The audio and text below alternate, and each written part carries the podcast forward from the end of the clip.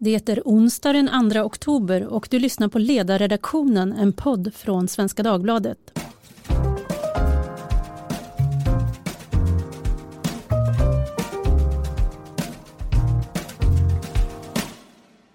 Dagens avsnitt är en inspelning från den lunch med ledarredaktionen som hölls på Playhouse Teater tidigare idag. Och vi har delat upp det 90 minuter långa programmet i två delar som vi sänder idag och imorgon. I dagens avsnitt hörs När staten ber medborgarna backa med Tove Livendal. Vad händer med den liberala världsordningen? Ett samtal med Ivar Arpi, Joel Halldorf och Karin Svanborg Sjövall. Därefter hörs Ett samhälle för vuxna med Katarina Kärkeinen. Och slutligen Mitt liv som underprivilegierad med Jesper Sandström. God lyssning! I slutet av augusti skrev jag en artikel som hade karaktären av ett reportage. Den handlade om Filip, som vi kan kalla honom. Han är 13 år, vi bor i samma stad, sex mil norrut. Hans föräldrar, Maria och Mikael, arbetar båda som forskare vid Uppsala universitet. Den 19 augusti började Filip en ny skola. Mikael fick ett samtal vid 15-tiden och tänkte sig, första dagen, det har gått bra. I telefonen hör han pojkens panikslagna röst. De är här! Han är här ute med åtta personer och väntar på mig. Det svindlade för Mikael, som sprang ut genom dörren, ringde Maria som satt på en kursgård utanför Uppsala och körde fort, alldeles för fort, in till centrum.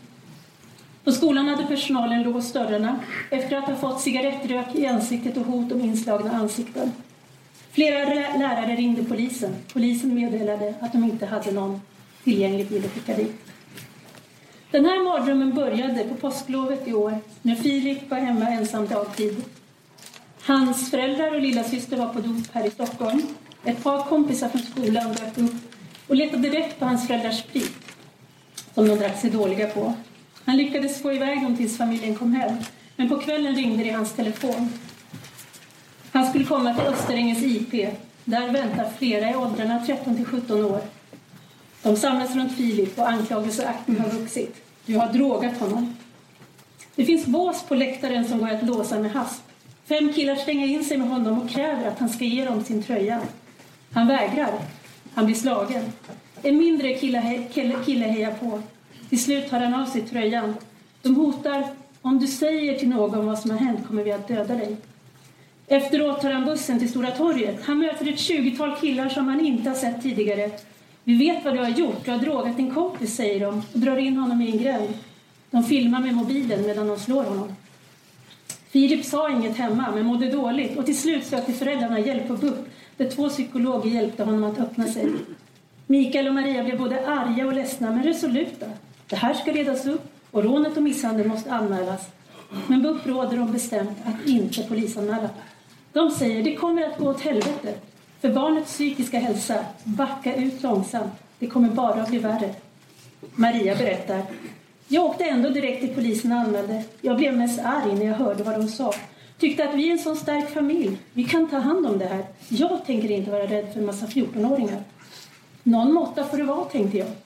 Man kan ångra sig när man ser vad som har hänt sedan dess. Men Filip vill stå upp för sin sak. Det är något bra och vi vill stödja honom i det. BUP fick rätt. När det blev känt att Philips, polis, Philips familj polisanmäld började helvetet. En morgon kollapsade Filip i skolan. Ryktesvägen sägs det att en ökänd kille ska döda honom. Det är Sam, en av dem som var med och slog och rånade honom. Han är bara 14 år, men är storvuxen. Han går på en annan skola, är med i en fotbollsklubb och är känd för att ha begått flera brott och slå andra på rutin. Han har goda kontakter med äldre gäng. En annan drivande person i förföljelsen är den lilla killen som hejade på när Filip blev slagen och rånad och tog hand om tröjan som direkt lades ut till försäljning på nätet. Han och två andra elever har varit föremål för särskilda åtgärder, bland annat isolering med vakter för att de inte ska kunna röra sig fritt i högstadiets lokaler. Skälet? Trakasserier av andra elever, ofta genom provokationer i syfte att fastslå att någon är kaxig, vilket rättfärdiga gruppstryk efter skolan. Filips telefon börjar ringa Budskapen är varningar och hot. Någon kommer att plocka dig. På fem månader polisanmäler familjen ett tiotal nya händelser. Maria jobbar i princip inte under hela våren utan ägnar tiden åt att köra Filip. Filip går i terapi för att våga gå ut. Polisen besöker familjen och rekommenderar säkerhetsåtgärder, instruerar hur man ska röra sig i staden och ta olika vägar. Sam och hans gäng förföljer Filip. De dyker upp vid en picknick vid Storvadsbadet och säger vi ska döda dig. När de får veta att Filip är i Stockholm ringer de och säger att de står och väntar på tågstationen. Familjen ringer polisen, men de säger att det bara är ett hot, så de kan inte göra något. Filips morfar får åka och hämta honom med bil. Maria berättar. Han kom hem och satt i soffan och bara krampade i flera dagar. Vi satt med honom i soffan i två dygn och tittade på filmer bara för att få honom att skratta lite, få in honom lite mat. Det är en stark familj. Föräldrarna är väletablerade och har en stor släkt och ett starkt nätverk runt sig. Men även de starka kan malas ner. Det är en tidsfråga. Någon gång brister det. Det kommer en punkt när priset för principerna blir för högt. I juli får familjen till Öland. Filips kompis Gustav ringer och berättar att de har sökt upp honom hotad. Berättar att om inte polisen hade kommit den där dagen till Storvadsbadet och picknicken hade de skjutit Filip i huvudet eller spräckt skallen på honom med en sten.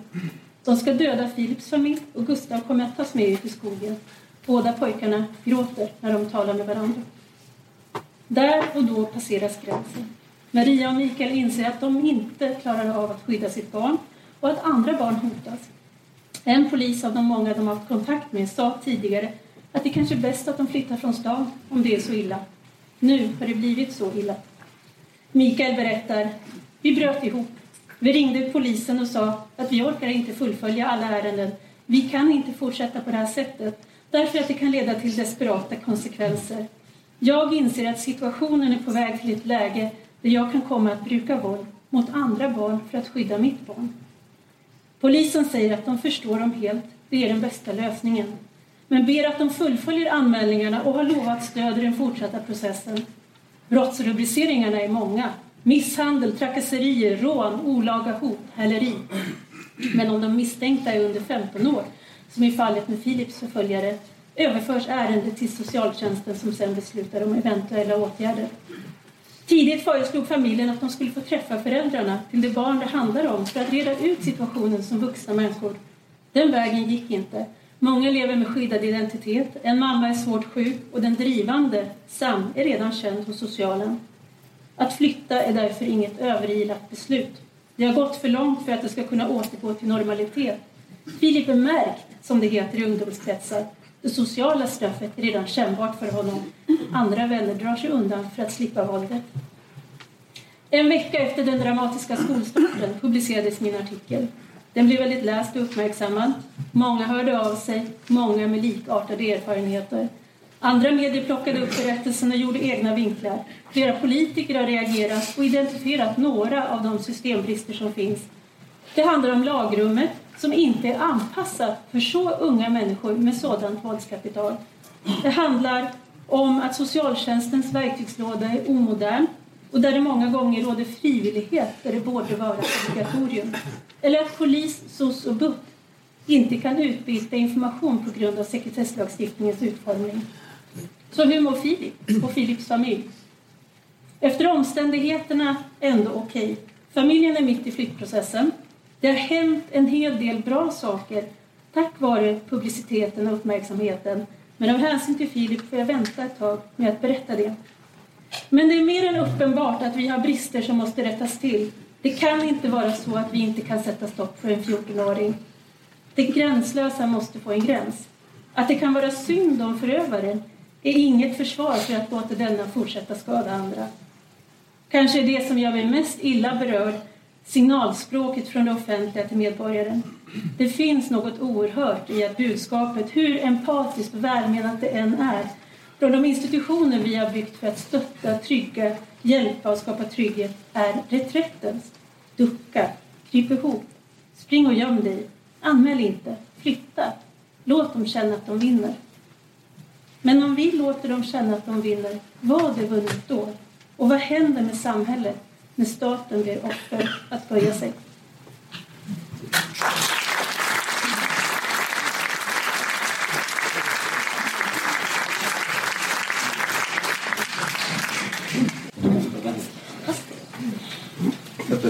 bredvid. Det blir trevligt. Det känns ändå som att vi inte ska skapa onödiga klyftor. Nej, exakt.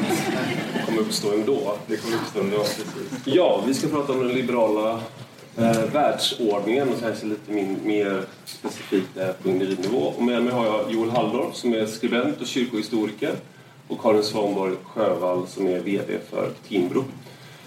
Eh, ja, jag ska bara presentera vad vi pratar om lite grann då.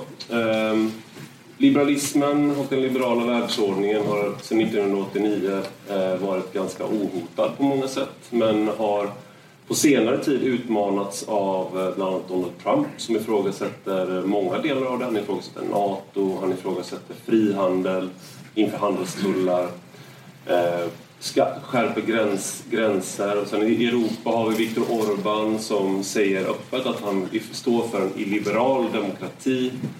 Eh, och i Polen så är, sker, sker ungefär samma utveckling. Eh, och många Eh, både på vänsterkanten och högerkanten har allt mer kommit att ifrågasätta eh, liberalismen på olika sätt. Och en av dem som har ifrågasatt eh, liberalismen är Patrick Denin som är en katolsk högertänkare i USA som skrev en bok som heter Why Liberalism Failed.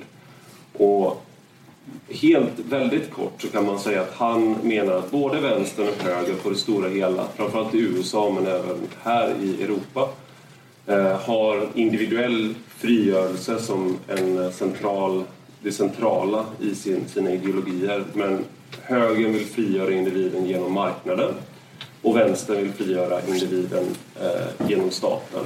Eh, och han vill då hitta en slags konservativ konservativt alternativ till det här. Eh, han beskriver det som att vi idag vi är liberalismen i vattnet som vi alla simmar runt i och han vill vara färgdroppar som gör att det blir synligt på, eh, på olika sätt. Och du Joel, du hade ju, fick ju hit Patrick Denin för två veckor sedan nu tror jag det blir, mm.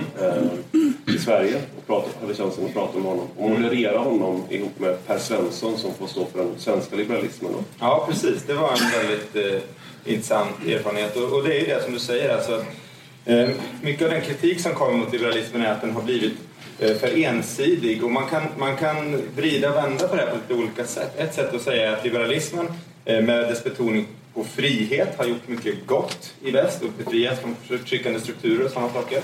Men det förstår frihet ytterst som, som oberoende, rätten att få göra vad man vill. Eh, och människan är i grunden inte en oberoende individ utan vi är relationsvarelser.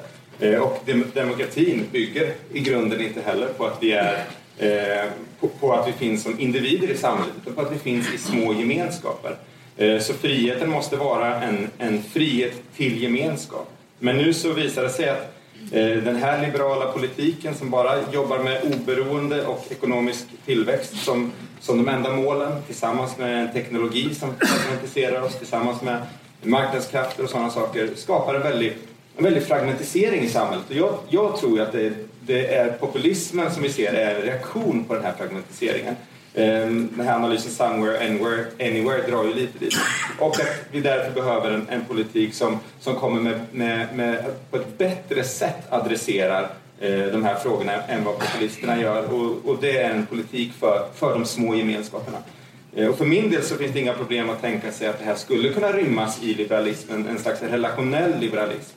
Men, men Per Svensson har liksom värjer sig för, för den tanken, så som jag förstod honom i det var ett samtal och vad han sen har skrivit om det. Eh, och, och så. Men jag vet inte hur Karin ställer sig ja, till det. Nu har vi varit två konservativa då, som har suttit och pratat om hur hemskt liberalismen är. Så kan inte du förklara för oss Karin, på vilka sätt vi har fel?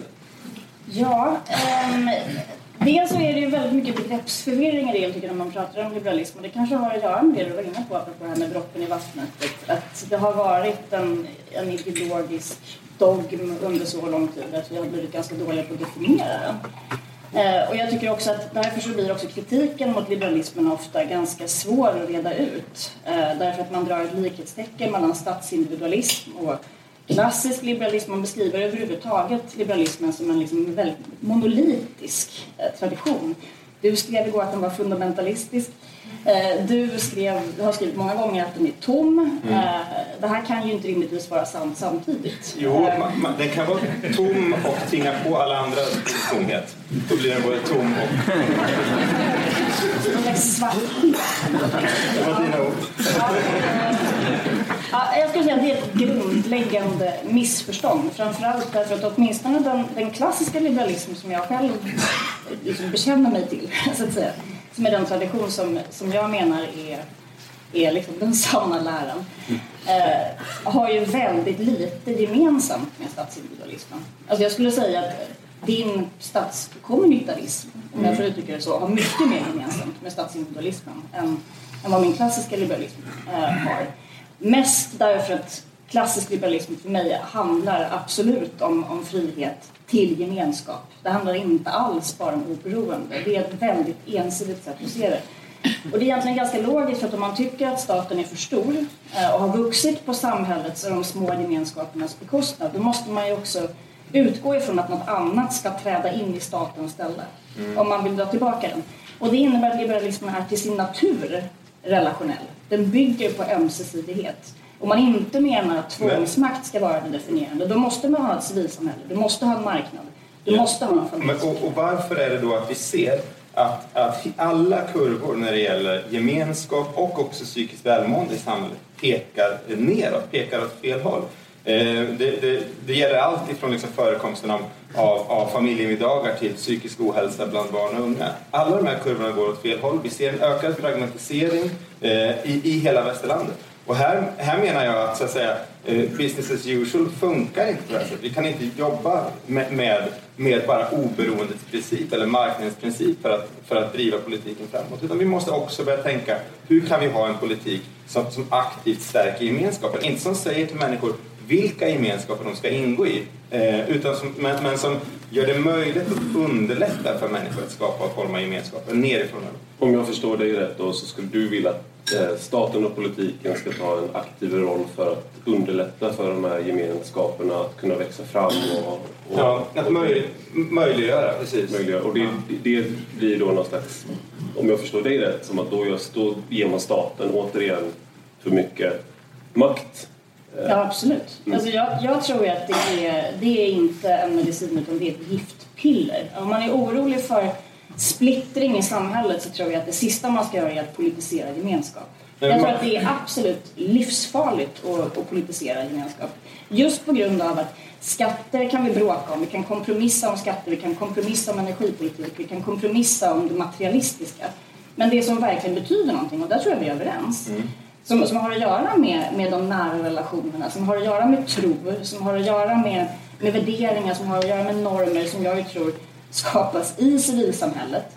Eh, de kan man inte kompromissa om på samma sätt och det är därför som all politik som går in på det här området är så farlig. Nej, men jag tycker man blandar ihop två saker. Här blandar man ihop på ena sidan gemenskapernas så att säga, ideologiska eller teologiska om man så vill, eh, karaktär. Och den tycker jag inte staten ska styra. Och det tycker jag det statliga närmandet på, eh, mot det religiösa civilsamhället genom demokratikriterier och sådana saker eh, är lite missriktat så, i den form det nu tar sig. Men däremot finns det ju många andra eh, sätt att jobba med. Man kan tänka sig man kan tänka sig söndagsstängt. Man kan tänka sig att man ger eh, vissa skattemässiga, att man skattemässigt gynnar små lokala företag eh, till förmån för Eh, de, de eh, liksom, eh, nationella och globala kedjorna. Man kan tänka sig att man, att man gör det möjligt att um, göra vissa typer av ideella insatser avdragsgilla. Det är inte så att det skattesystem vi nu har det, det är, är liksom fallet från himlen utan det handlar om, om att, så att säga, hjälpa människor som vill eh, bygga gemenskap i sitt liv. Att politiken ger dem redskap för att göra motstånd mot de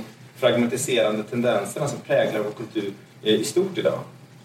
Ja, jag tror att det, det speglar en, en övertro på, på vad staten kan göra och vad staten bör göra. Någonstans så handlar det här rätt mycket om politikens gränser. Jag vet inte om ni minns men det var ju vid något tillfälle som jag tyckte att vi nådde liksom peak Sverige och det var när Kristdemokraterna föreslog en lag om civilkurage.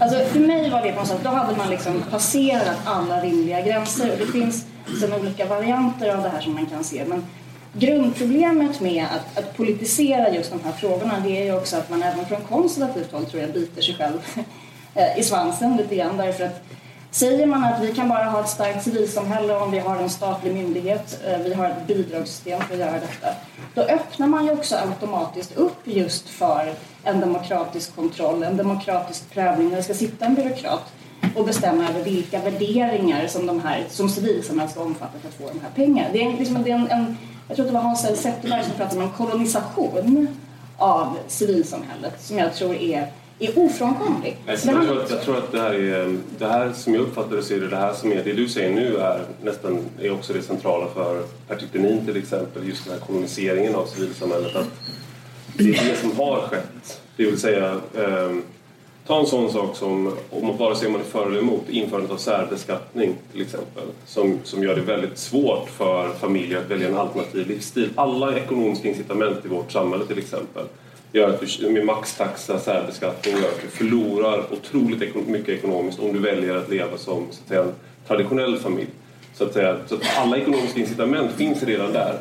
Och där har du till exempel ett, en, en, det är ju ideologi, det vill säga vi, vi ska frigöra kvinnan som individ till att bli eh, förvärvsarbetande. Familjen ska inte vara enheten utan individen är enheten. Mm. Eh, och en sak som jag tänker med det här det är att om, om vi tänker sig en, en den liberala mentaliteten det är ju till exempel att du har civilkurage, du, engagerar, du engagerar dig i ditt lokalsamhälle, eh, du hjälper till där du kan, du är en aktiv medborgare, informerad medborgare så att du kan rösta informerat och sådär.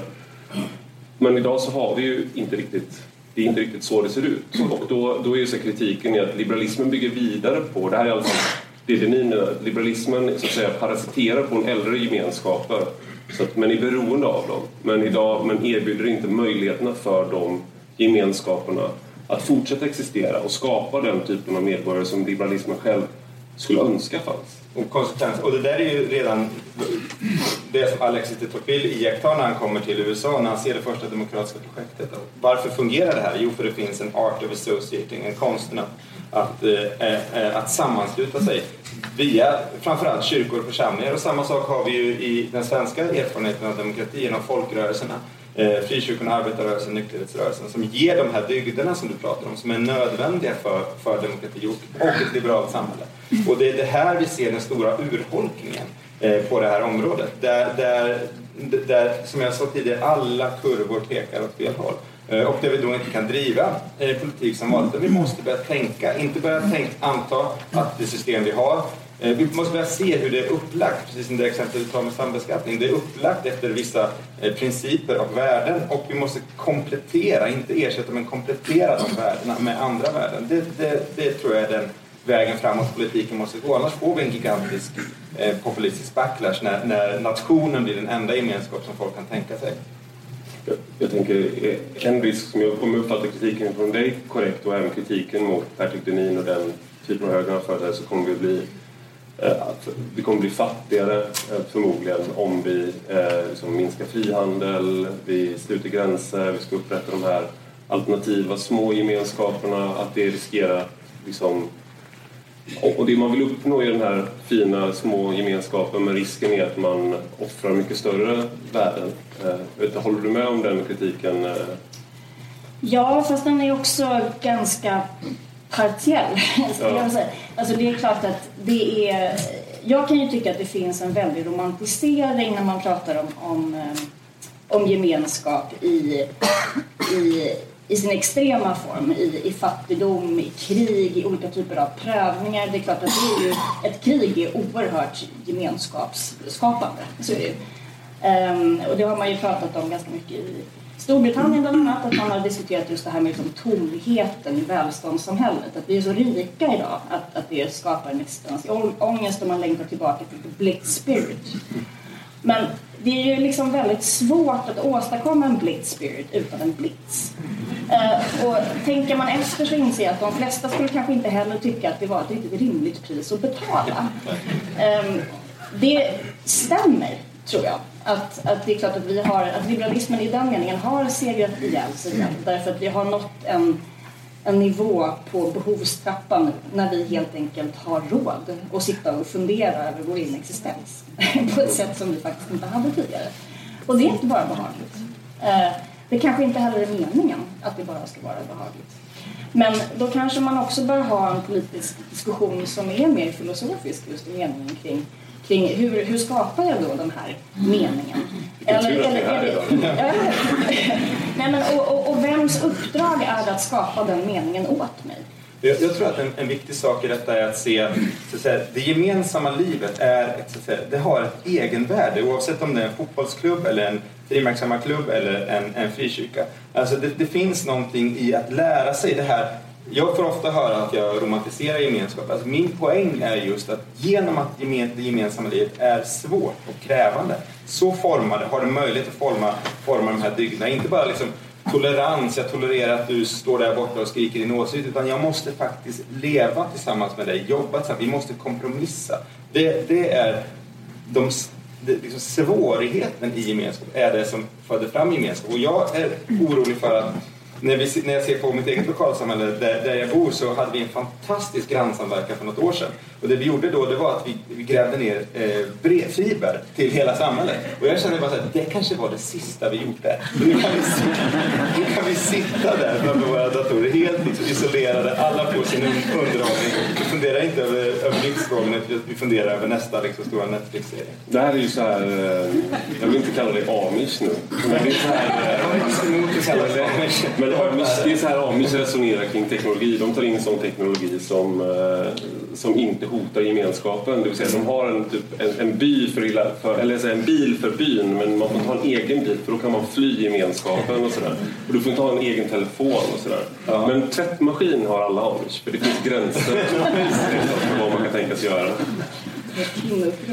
Ja, Min fördom var att de inte skulle ha någonting som underlättade för kvinnor men det finns, det finns till och med där.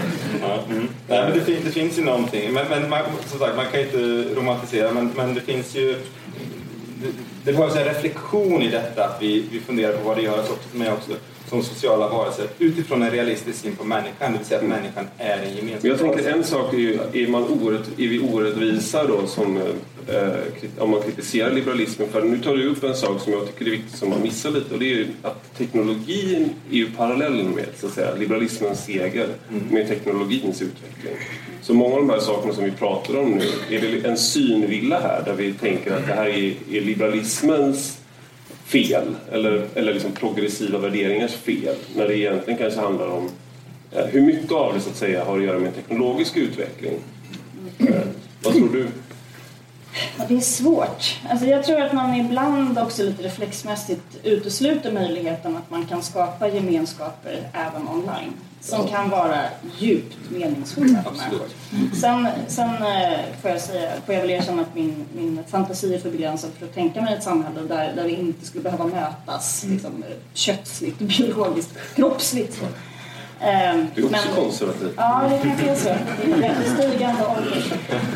Um, men, men jag tror att, att som sagt var att, att många av de här diskussionerna tenderar att bli ganska, ganska ensidiga. Men, men att, att, teknologin har försatt oss i ett läge som vi fortfarande inte vet hur vi ska hantera. Det är ganska uppenbart. Det är bara att gå på ett föräldramöte och, och prata om, liksom, med andra föräldrar om hur de ser på skärmtid och vems ansvar det är att barnen lär sig att läsa och så här. Medelklassen är ju fruktansvärd. Eh, det är ju, man, tappar ju, man tappar ju all tro på mänskligheten på ett sånt Allt ska liksom outsourcas på någon annan. Det är skolans ansvar, det är marknadens ansvar. Men liksom att man själv har ett jäkla ansvar som ja. förälder är man liksom inte så jättepigg Och det där var Jag har precis köpt två pads till mina barn.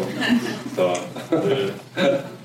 vi alla delar på det problemet inte lösning. Nej, men det, och det där var ju det som också Tocqueville såg att när människan tappar förmågan att skapa gemenskap så kommer hon hela tiden kräva att staten servar henne mer och mer. Gå in och lös den här konflikten, gå in och lös det här problemet. Alla lösningar måste komma ovanifrån för att vi inte har förmågan att lösa det på, på ett mellanmänskligt plan längre. Men där är vi nog ganska överens. Jag tror vi är överens om målet men inte vägen. Vad fint. Då, då när vi är överens om allting så tycker jag vi slutar. Tack så mycket för att ni kom.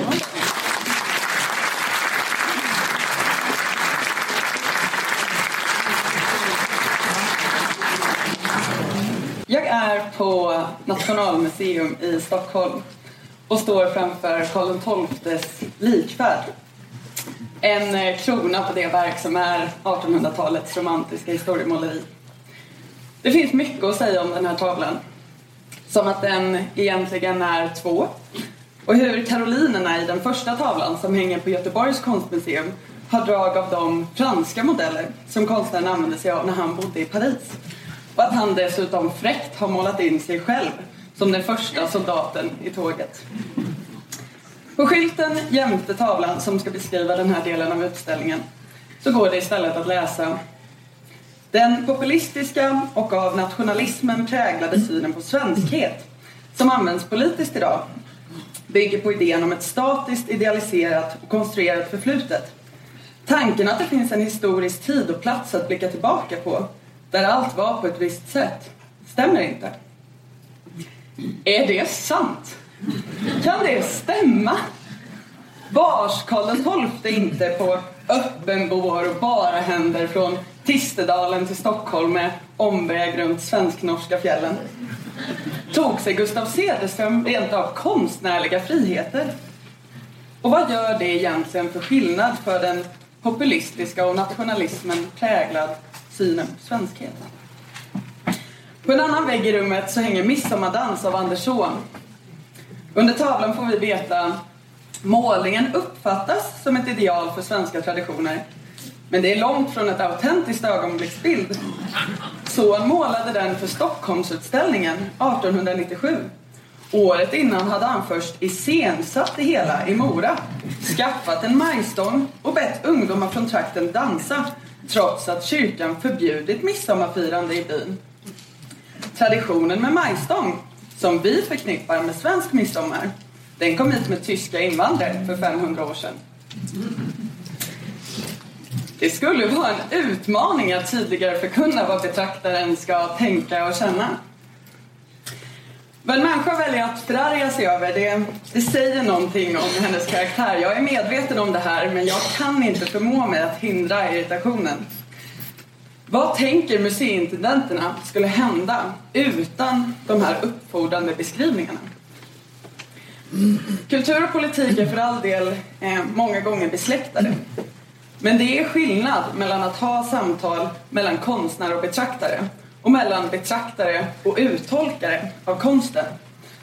Och får man tala med konstnären direkt genom konsten så slipper man ofta den här uppfostrande tonen. Jag tycker mig höra den allt oftare. Den ton som talar med besökare och kunder som vore de barn. På lunchrestauranger av den enklare sorten så hör man den ofta. Ska du verkligen ha ett sugrör? Ta bara så många servetter som du behöver. Och om man råkar tillhöra kvinnosläktet så är budskapen av en alldeles särskild kaliber. Ingenting får man konsumera utan att översvämmas av budskap om självkärlek, empowerment och kvinnokraft. Älska dig själv. När allt man vill är att köpa en hudlotion. Det är ett otyg detta, att inte betrakta människan som myndig.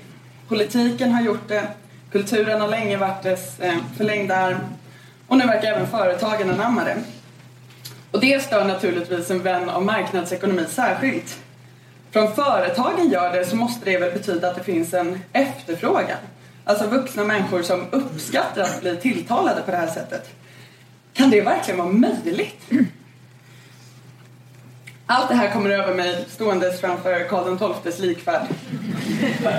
Tanken att det finns en historisk tid och plats att blicka tillbaka på där allt är på ett visst sätt stämmer inte.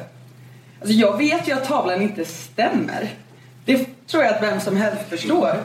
Men de här förenklingarna är precis lika enfaldiga som 1800-talet och jag vill inte ha dem. Behandla mig som en vuxen, vill jag skrika. På det här tysta museet. Och det vore förstås i sig en garanti för att rätteligen bli betraktad som ett barn. Så jag håller tyst och viskar istället surmulet till min vän innan vi går därifrån. Också det är en gammal svensk tradition.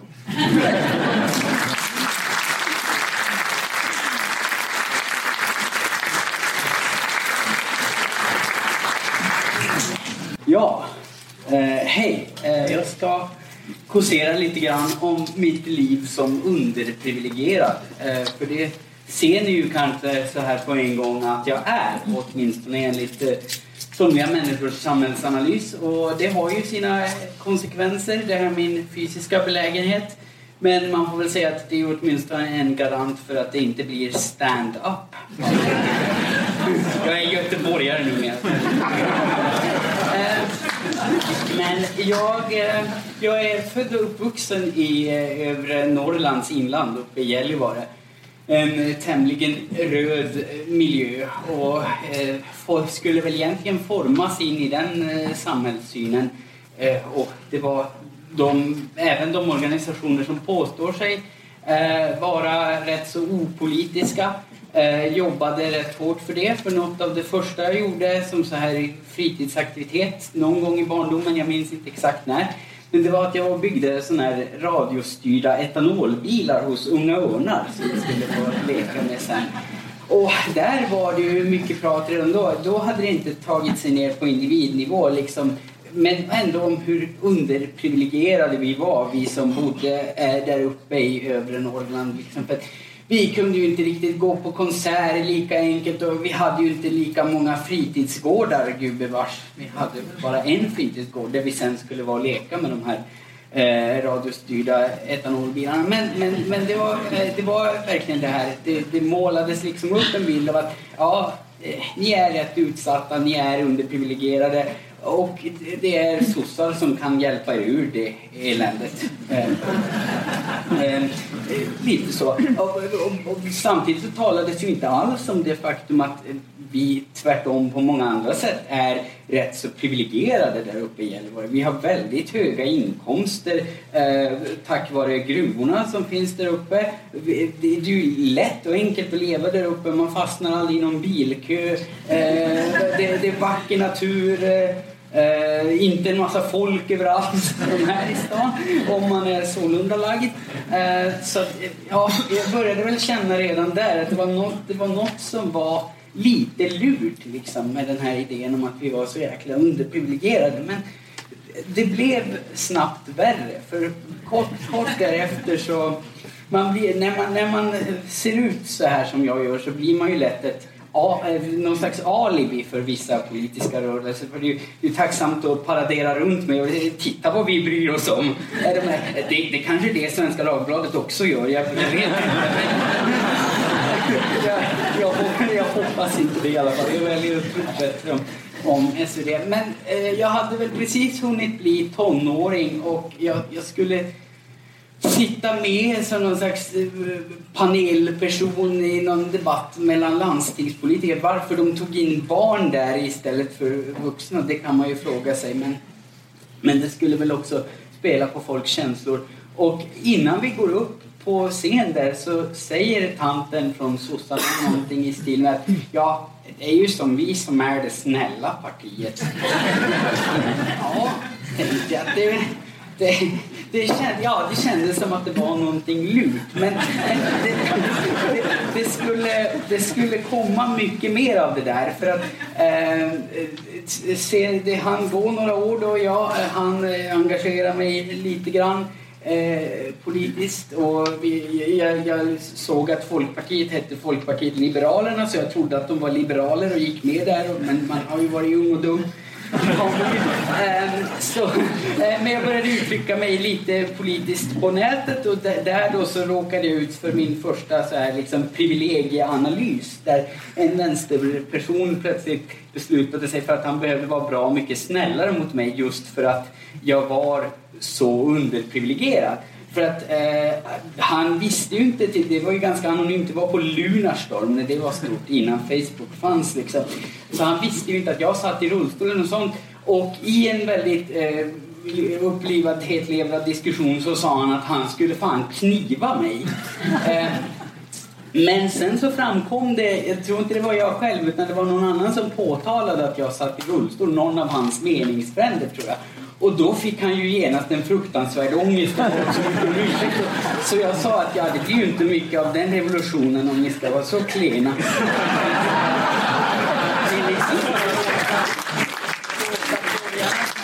Undan bara för att de är funktionsvarierade. Så, nej, det ordet fanns inte. tiden. Eh, men, eh, eh, men jag fortsatte engagera mig politiskt och det, det nådde någon slags peak när Lars Ohly kom till vår gymnasieskola. Och det, det, är, det är typ den roligaste dagen i mitt liv. För att han, han kom ju då till Röda Malmfälten och tänkte att ja, det här är hemmaplan. Här kommer de, de kommer liksom stå och göra honnör. Eh, fast det, det, var bara jag och en annan nyliberal som ställde frågor. Eh, och till sist blev han så irriterad, Oli, så han tittade ner på mig och han måste ha sett att jag satt i rullstol. Det var en väl upplyst aula och jag satt Liksom. Och så säger han, vet du egentligen hur det känns att vara funktionshindrad? Med, med, med, med, undertonen att ja, men om du nu hade fattat hur underprivilegierad du egentligen är, då hade du väl ändå varit vänsterpartist som du borde. Det, det, här, det här kommer ju hela tiden liksom. Och det, jag brukar säga lite CP och Jag har själv CP-skada så jag får använda ordet bara så att ingen blir arg och ringer Aftonbladet. Men jag brukar säga att CP och invandrare buntas ihop på lite samma sätt. För det är ju samma sak om Hanif Bali råkar tycka någonting som, som han inte borde tycka på grund av sin grupptillhörighet. Då är det så här, vet du egentligen hur det känns att ha kommit som ensamkommande? Liksom. Så det är, det, det är en himla märklig syn. Eh, och eh, alltså, det, där, det där går ju verkligen igen överallt i samhället. Till när, när jag som ung och naiv nyutexaminerad student gick till Arbetsförmedlingen då fick jag liksom en tre timmar lång föreläsning om vad jag kunde göra för att slippa jobba. Jag, vet inte, kolumnist i Svenska Dagbladet det är kanske någon slags borgerlighetens plusjobb.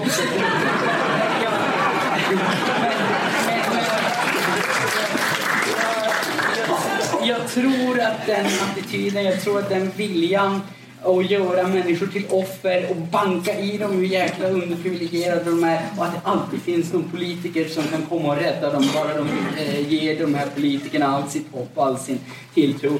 Den synen tror jag är fruktansvärt skadlig. Den synen försöker jag bekämpa i min roll som kolumnist och jag hoppas att jag lyckas någorlunda väl. Ja, det var